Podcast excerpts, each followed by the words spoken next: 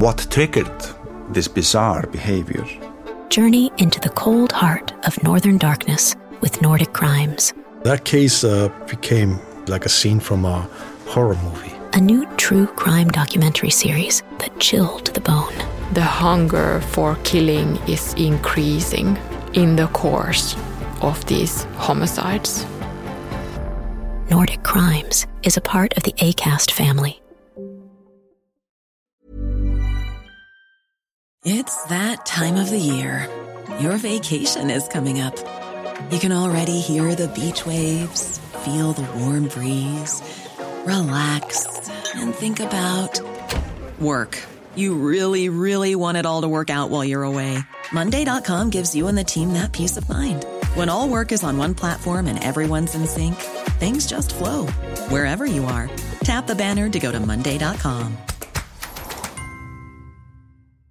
Hiring for your small business? If you're not looking for professionals on LinkedIn, you're looking in the wrong place. That's like looking for your car keys in a fish tank.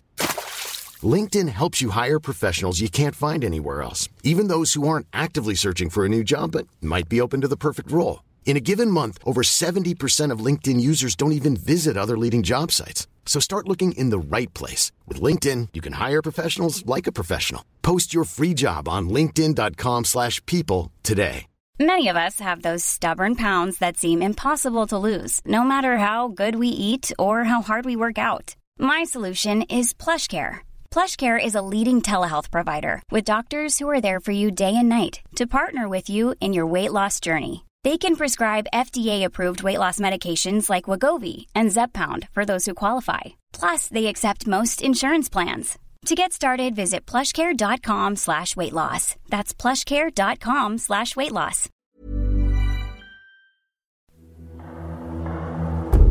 Min mamma börjar hånla mot mig och håna mig. För hon, hon, hon säger till mig att du skulle aldrig våga göra någonting. Man märker ju på henne att eh, hon är eh, kraftigt tagen mentalt utav någonting. Kollegan känner på dörren. Jag går runt eh, huset till långsidan. Där jag då ser att en köksingång eller en sidoingång har, eh, har blod på, smetat på dörren eller avtryck på dörren. Ett par vita skor. Och sen så kläderna är ju helt, helt täckta i blod. Det är väldigt mycket skärsår i händerna. Så att man förstår ju ganska så snabbt att det är någonting som har hänt.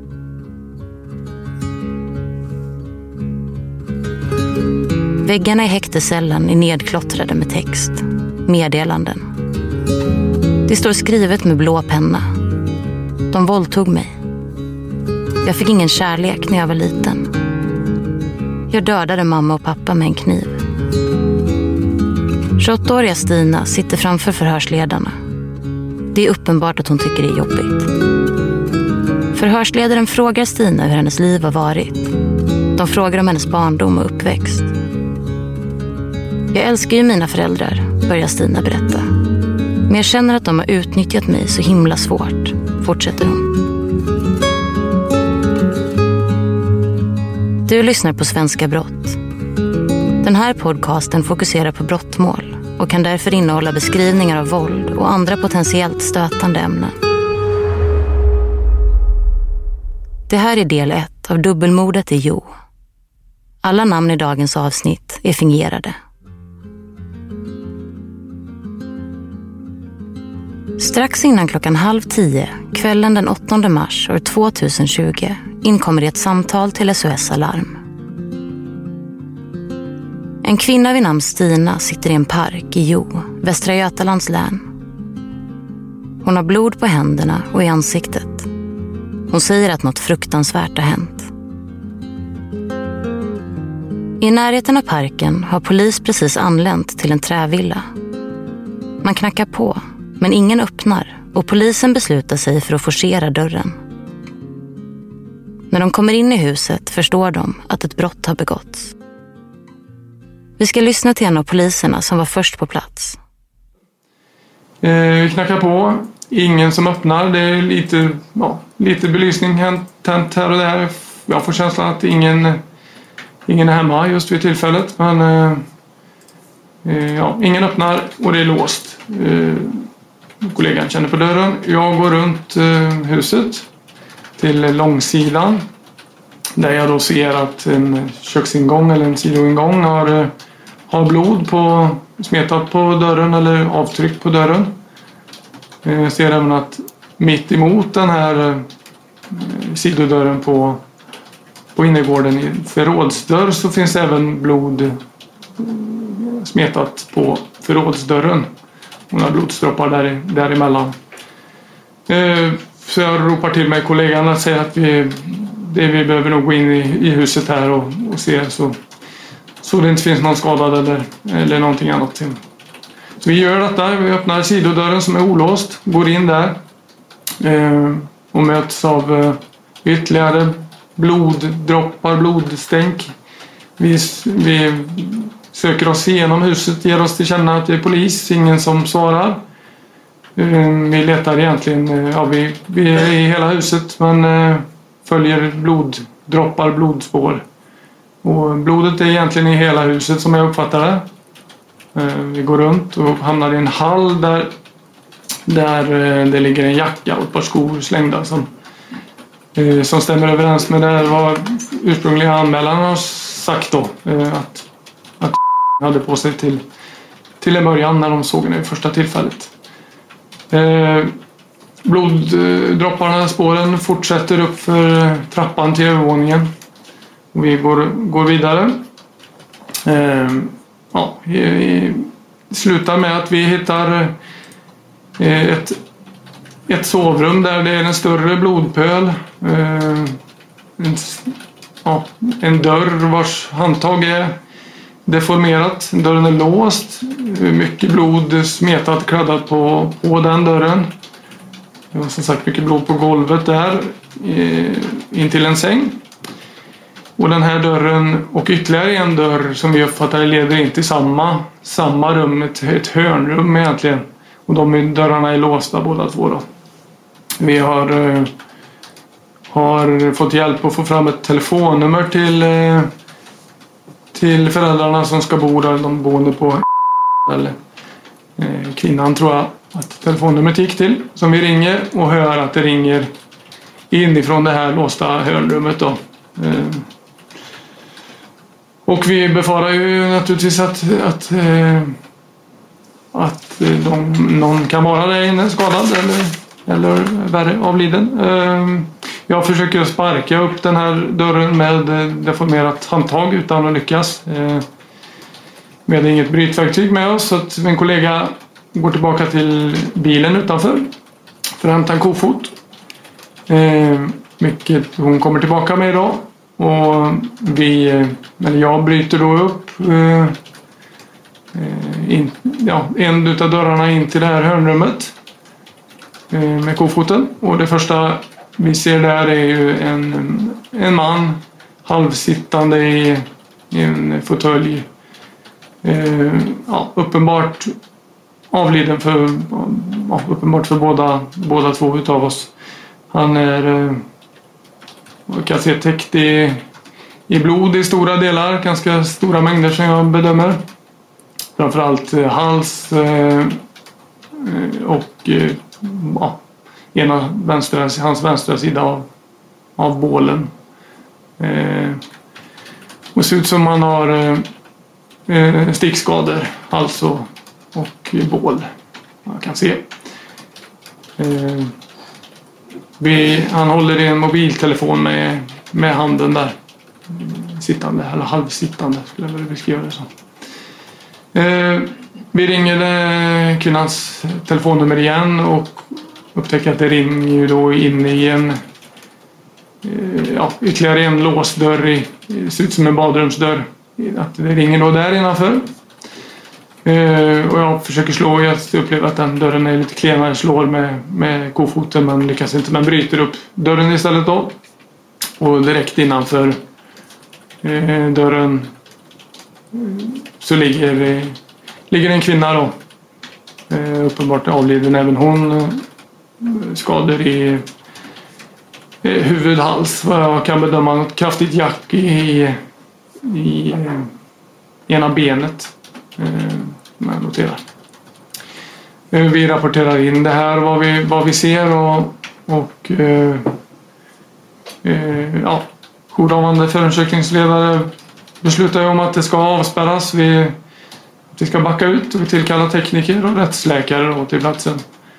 Eh, vi gör detta och eh, ja, inväntar eh, helt enkelt tekniker. En annan patrull tar över på platsen och spärrar av byggnaden. Gärningsmannen, som polisen just då inte vet vem det är, befinner sig inte i huset. Men man misstänker snabbt att det finns en koppling mellan den blodiga kvinnan i parken, alltså Stina, och de avlidna i hemmet, hennes föräldrar. Klockan 20.33, efter attacken, befinner sig Stina i en mataffär strax i närheten av föräldrarnas bostad. Stina är där för att handla cigaretter. Inköpet och kontakten med kassörskan spelas in på övervakningsfilm. Kassörskan berättar under rättegången att kunden, alltså Stina, är blodig både i ansiktet, på händerna och på sin jacka. Kassörskan frågar då vad som har hänt, varpå Stina svarar att hon skurit sig. Klockan 21.04 iakttar ett vittne Stina i närheten av mataffären. Vi ska lyssna till vittnets upplevelse av den här händelsen. Och, och vad du får för intryck utav den misstänkta och sådär. Mm. Ja, klockan, eller lite efter nio någonting, så skulle vi till Coop och handla mat. Men sen på vägen dit, vid Ica ungefär, så ser vi hur det står en man. Det är liksom två vägar, så i mitten på den står en man och sträcker ut handen. Eh, och sen så, så tänker vi att den personen ska gå förbi, så vi stannar bilen. Men då ställer sig personen framför bilen istället. Och vi först- jag blir lite orolig, eller man blir lite rädd så förstod inte riktigt vad som hände. Och bara stod där och lutade sig över motorhuven så, typ. Och sen efter ett tag gick lite mot Eh, förarsätet, dörren där. Och då backade vi istället och körde iväg eh, mot Coop. Och så tittade jag lite bakåt och då tog personen upp en cigarett och bara stod på sidan vika där och rökte. Eh, sen tänkte vi väl inte så mycket på det. Vi åkte till Coop, han tog våra saker och sen kom jag på att vi hade glömt vårt kort. Och då så åkte vi hem till mig igen. Och sen, jag bor ganska nära så det tog inte så lång tid. Och sen på vägen tillbaka till Coop så vid, eh, vad blir det, vid eh, nedanför känsla där så ser vi den här personen igen då. Går mot en dam med en hund. Och jag vet att jag tyckte det var lite obehagligt. Så jag tänkte att vi kan stanna på sidan så att hon ser att hon inte är ensam i alla fall. Och det var väl då som personen tog fram sina händer som jag såg var blodiga och så bad personen om polis. Eh, och då ringde jag polisen. Och så stod vi och pratade här. Polisen frågade väl lite vad som hänt och jag försökte få kontakt med den personen som ville ha polis då. Som de sa bara att något hemskt hade hänt. Och ja, de ville inte säga något mer så. Men eh, verkar väl ändå så här lugn men lite förvirrad typ. Eh, jag kunde inte riktigt få kontakt. Jag var lite så här, svarade inte riktigt på alla frågor jag frågade. För polisen i telefonen sa att jag skulle ställa vissa frågor Mm. till personen bland annat. Då fick jag inte riktigt svar på alla heller. Så men det jag fick fram var väl att något hade hänt och polisen skulle komma. Typ med så. Och sen efter ett tag så gick personen iväg mot eh, Bellevue där. Ehm, och ehm, så sa vi att ehm, polisen skulle komma. Då gick personen tillbaka. Och sen efter ett tag så gick den tillbaka, eller gick bort igen. Och sen kom den tillbaka. Och Personen gick mot Och då så sa de att vi skulle följa efter där lite. Eller vi följde efter i bilen för att hålla koll i alla fall. Vart personen tog vägen. Eh, Men då kan man inte köra in med bilen där bakom där personen gick. Det är en gångväg typ. Så då fick vi köra runt eh, vid busstationen där bland annat. Så då tappade vi bort personen. Eh, så fick, vi körde in där runt skog, eller vad man kan kalla det. Liten miniskog vid lekplatsen. Eller parken där då, runt omkring. Men vi hittade inte personen igen. Så vi letar väl, jag vet inte hur länge, men ett tag i alla fall. Och sen eh, efter ett tag stötte vi på två människor som var ute med en hund igen, eller andra människor då. Eh, och då gick min pojkvän ut och pratade med de här människorna. Och sen efter ett tag så ser jag i vänstra vrån hur det kommer en skugga, eller jag ser bara att något rör sig där bland annat. Och då ser jag att det kommer en människa på vänster sida. Och sen då kommer också tillbaka samtidigt och sätter sig i bilen. Och då så går den här människan förbi, stannar lite vid bilen men går förbi. Och så tyckte vi att det var samma person. Men den hade andra kläder. Eller vad vi märkte så hade den andra skor och jacka i alla fall. Det var det jag kunde tänka. Och så då sa vi det i telefonen också att vi visste inte om det var samma person i alla fall. För det var andra kläder. Men det gick på samma sätt och betedde sig lite likadant i alla fall. Och så stod bara den i bilen och personen ställde sig lite längre fram i ett buskage typ och hade en flaska i handen nu också. Eh, och så stod den där i buskarna. Eh, satte sig och ställde sig upp, satte sig, ställde sig upp lite sådär. Och sen efter ett tag så började den gå mot tennisplanerna bakom där. Men då kom polisen också. Och då sa vi att vi tror personen är där borta i alla fall. 40 minuter efter larmsamtalet anländer polis till platsen och får kontakt med Stina som har skador på händerna, blod i ansiktet samt blod på sin jacka och sina skor. Ja. Eh, larmet kom ju in först som att det var en, en skadad kvinna som gick runt i, ute i Oro. Eh, som hade pratat med ett par så att orsaken vi var där det var ju för att hitta den skadade personen som gick runt och som de blev väldigt oroliga för. Så vi började ju med att prata med de som hade ringt in då. var på under tiden vi precis hinner komma fram så, så ser de igen och så pekar att det är kvinnan där borta som vi pratade alldeles nyligen med. Så att jag och min kollega åker bort. Eh, och så stöter vi på och Då har hon, eh, jag tror det var en sherryflaska i handen bland annat. En ja, ja, rockliknande jacka. Ett par vita skor. Och sen så kläderna är ju helt, helt täckta i blod. Det är väldigt mycket skärsår i händerna. Så att man förstår ju ganska så snabbt att det är någonting som har hänt. Själv är ju väldigt fåordig om vad som har hänt men man, man märker ju på henne att eh, hon är eh, ja, kraftigt tagen mentalt utav någonting. Att det är, första tanken var ju antingen har hon själv gjort någonting som är extremt allvarligt eller så har hon blivit utsatt för någonting som är extremt allvarligt. Mm. Eh, det var första tankarna. Sen den här oron växte ju ganska fort fram och man ville veta vad som hade hänt. Eh, vi sätter på en bänk som var nedliggande ehm, och gör en snabb PL19-visitation. Hon har inga vapen eller någonting sånt där som förklarar eh, skärsåren. Så att ja, misstankar mis börjar ju med att man tror att det är någonting som har hänt henne då just med, med såren. Men sen så på sättet hon uppträder så kanske så skiftar själva tanken när vi börjar väl köra mot sjukhuset. Eh, när vi söker igenom så som sagt så hittar vi ju ingenting mycket mer än ett bankkort och en liten ask med hennes visdomständer. Som hon själv förklarar det som. Då. Ehm, just för att vi inte får några svar och eftersom vi är oroliga för hennes, var oroliga för hennes hälsa där så, så säger vi att vi sätter in henne i vår patrullbil och så åker vi vidare till, ehm, till sjukhuset för att göra en vidare kontroller så att hon mår bra helt enkelt. Och patrullen som var med oss, vi var ju två stycken där, eller två patrullbilar på plats, eh, fortsätter söka i området om det finns någonting eh, närliggande som kan vara orsaken till skadorna eller eh, hitta någon orsak till eh, varför hon var så mentalt påfrestad som hon var.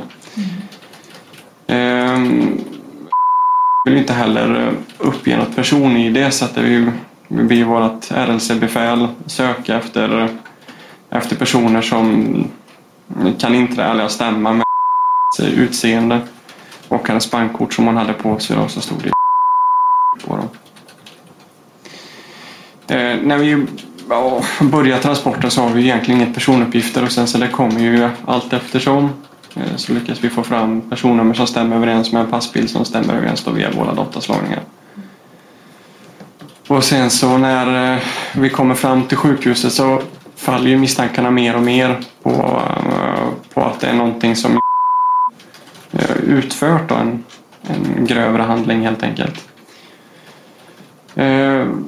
Det går ett tag, sen så till slut så eh, när vi kommer fram till sjukhuset så sitter jag och pratar varpå att hon eh, ja, berättar att det kanske eventuellt någonting som har hänt. Att hon eventuellt skulle kunna behöva en försvarare.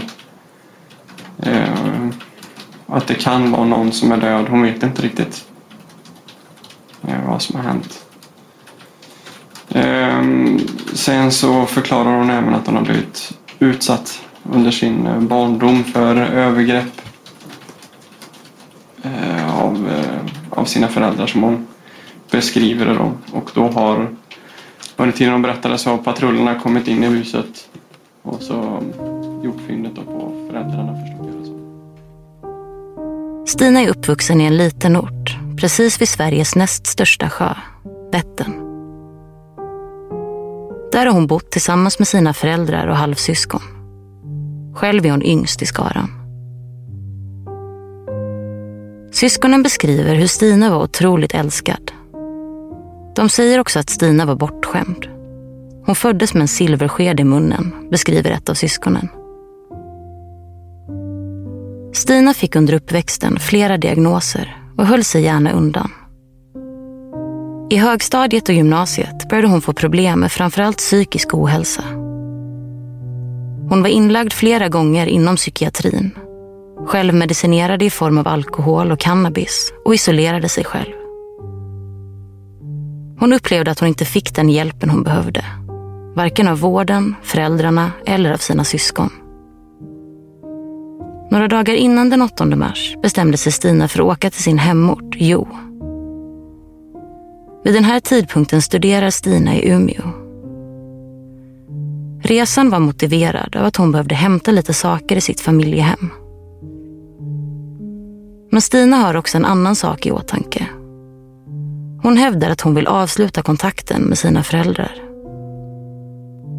Stina berättar vidare att pappa Ola hade köpt en tåg och bussbiljett till henne några dagar innan den 8 mars.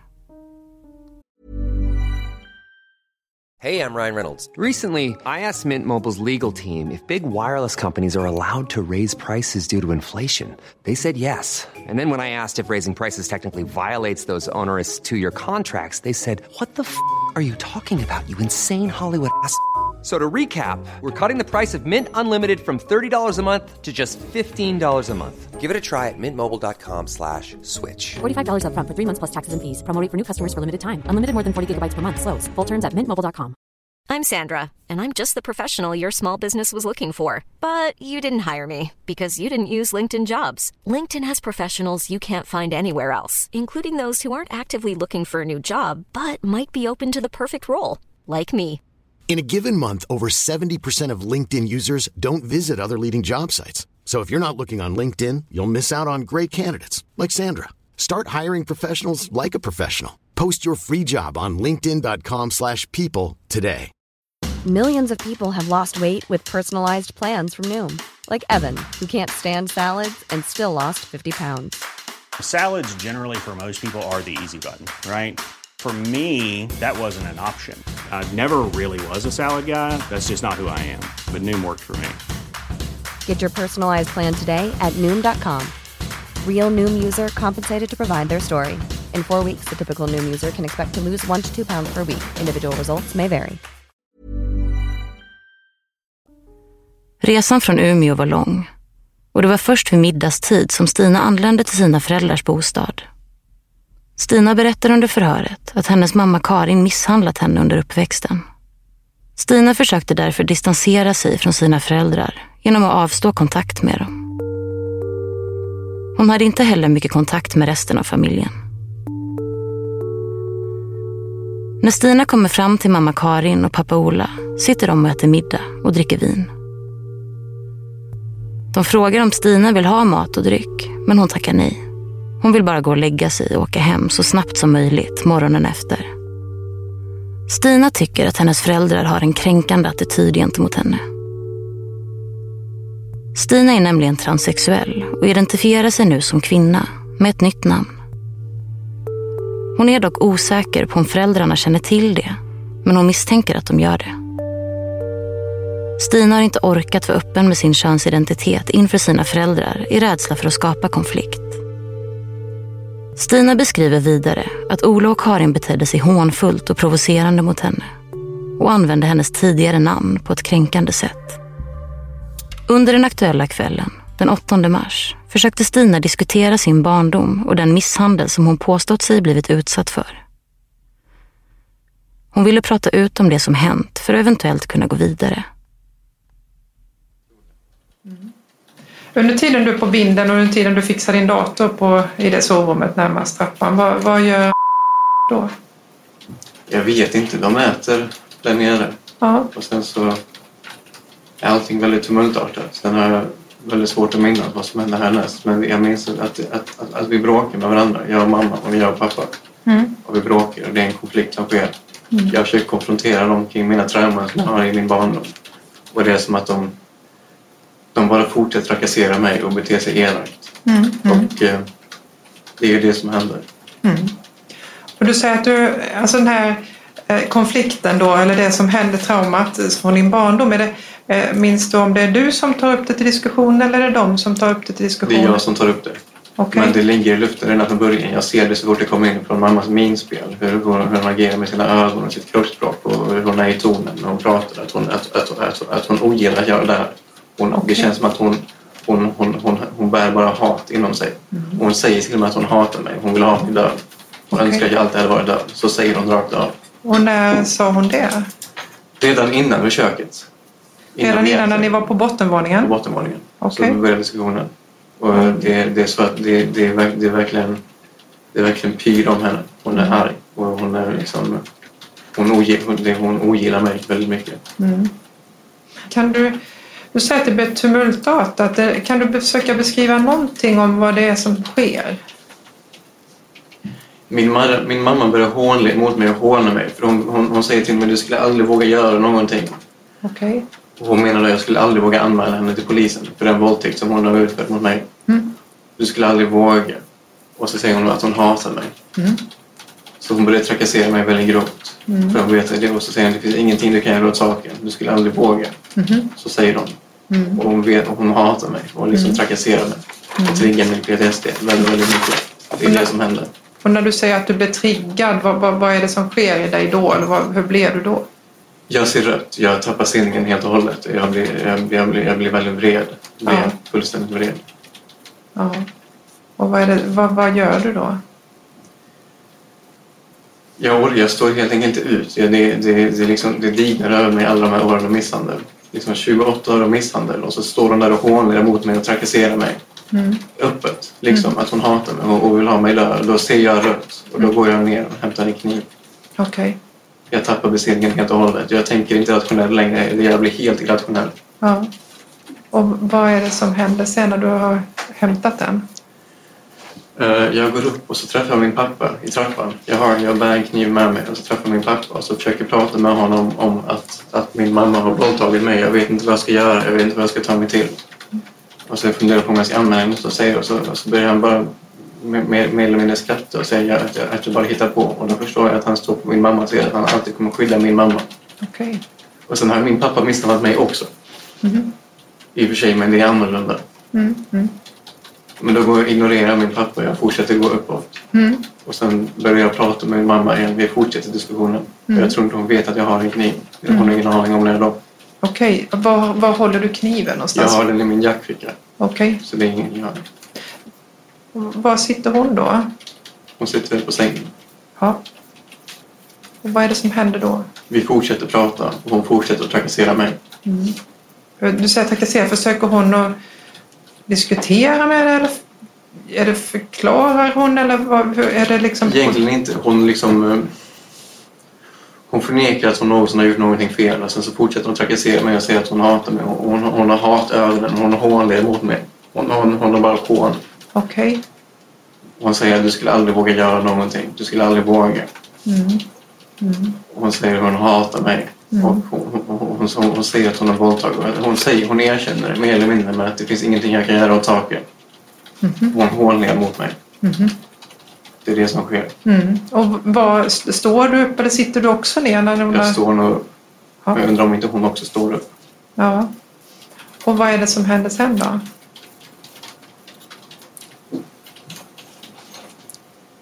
Sen hugger jag henne bara. Jag blir så vred. Ja. I och med att hon, att hon så öppet trakasserar mig och att hon, hon, hon bara öppet hatar mig. Hon öppet hatar mig.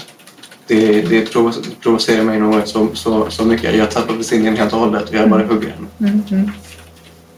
Och vad, minns du var det hugget träffar Jag någonstans? har ingen aning. Jag hugger, jag hugger blint, mer eller mindre. Ja.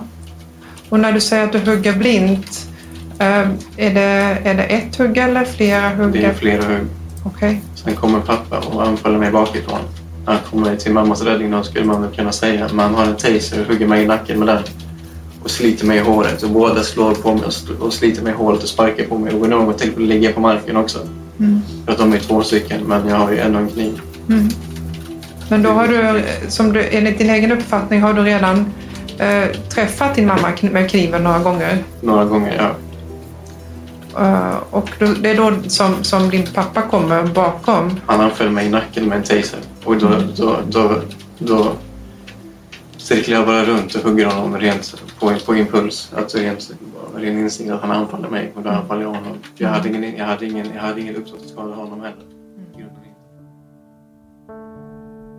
Stina säger att hon inte är en våldsam person och att det aldrig förekommit våld mellan Stina och hennes föräldrar tidigare. Förutom den psykiska misshandeln och övergreppen hon berättat om under förhör. Baserat på utredningen har man kommit fram till ett möjligt scenario som stämmer överens med de insamlade bevisen. Ett tänkbart scenario är att Karin och Ola har befunnit sig i sitt sovrum på ovanvåningen där ett bråk uppstår mellan dem och Stina. Karin och Ola blir attackerade med upprepade knivhugg. Tumultet eskalerar när Ola försöker övermanna Stina bakifrån för att avvärja attacken.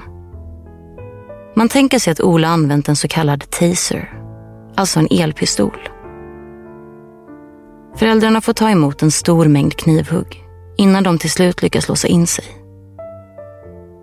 Trots det avslutar inte Stina sina försök att attackera. Hon försöker bryta sig in genom de låsta dörrarna med hjälp av kniv och brandsläckare. Karin har under attacken lyckats ta sig in i badrummet, in i sovrum 1 och låst in sig där. Ola har låst in sig i sovrum 2. Skadorna som Ola och Karin åsamkades är omfattande. Både Ola och Karin avlider snabbt efter attacken. De hittas av polisen strax efter klockan 23 den 8 mars år 2020. Ja, så polisen berättar att de anlänt till platsen och anträffat Stina blodig och påverkad. Poliserna tänker sig att Stina eventuellt självskadat eller att någon annan skadat henne.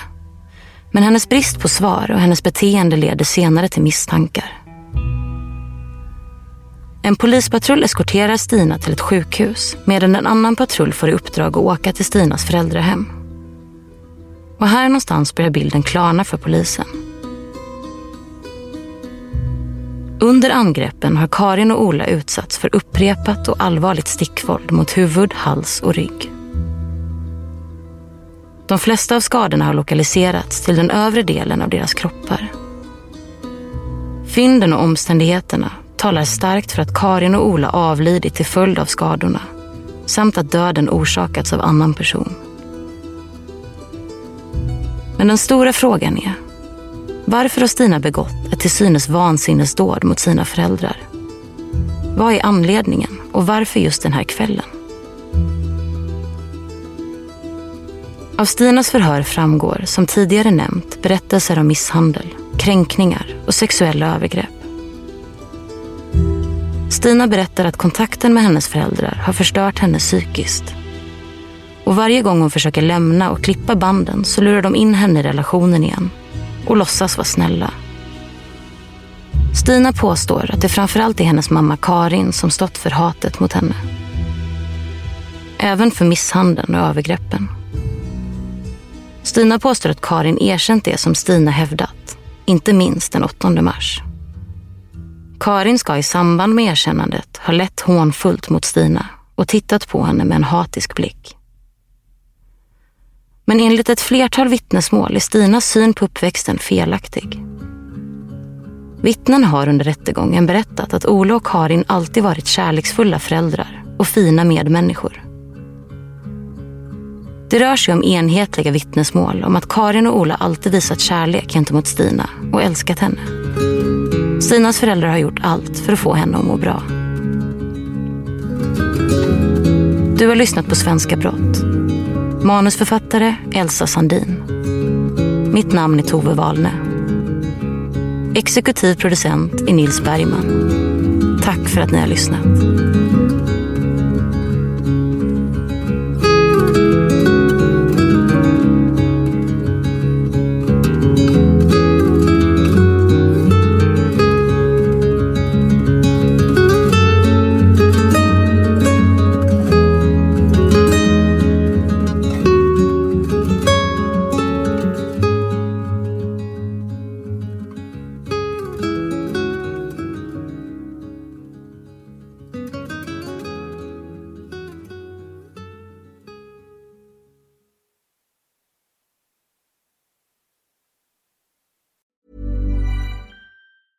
Planning for your next trip? Elevate your travel style with Quince. Quince has all the jet setting essentials you'll want for your next getaway, like European linen, premium luggage options, buttery soft Italian leather bags, and so much more. And it's all priced at 50 to 80% less than similar brands. Plus, Quince only works with factories that use safe and ethical manufacturing practices. Pack your bags with high-quality essentials you'll be wearing for vacations to come with Quince. Go to quince.com slash trip for free shipping and 365-day returns. Hi, I'm Daniel, founder of Pretty Litter. Did you know cats tend to hide symptoms of sickness and pain? I learned this the hard way after losing my cat, Gingy. So I created Pretty Litter, a health monitoring litter that helps detect early signs of illness by changing colors, saving you money and potentially your cat's life. Pretty Litter is veterinarian developed, and it's the easiest way to keep tabs on your fur baby's health right at home. Go to prettylitter.com and use code ACAST for 20% off your first order and a free cat toy. Terms and conditions apply. See site for details.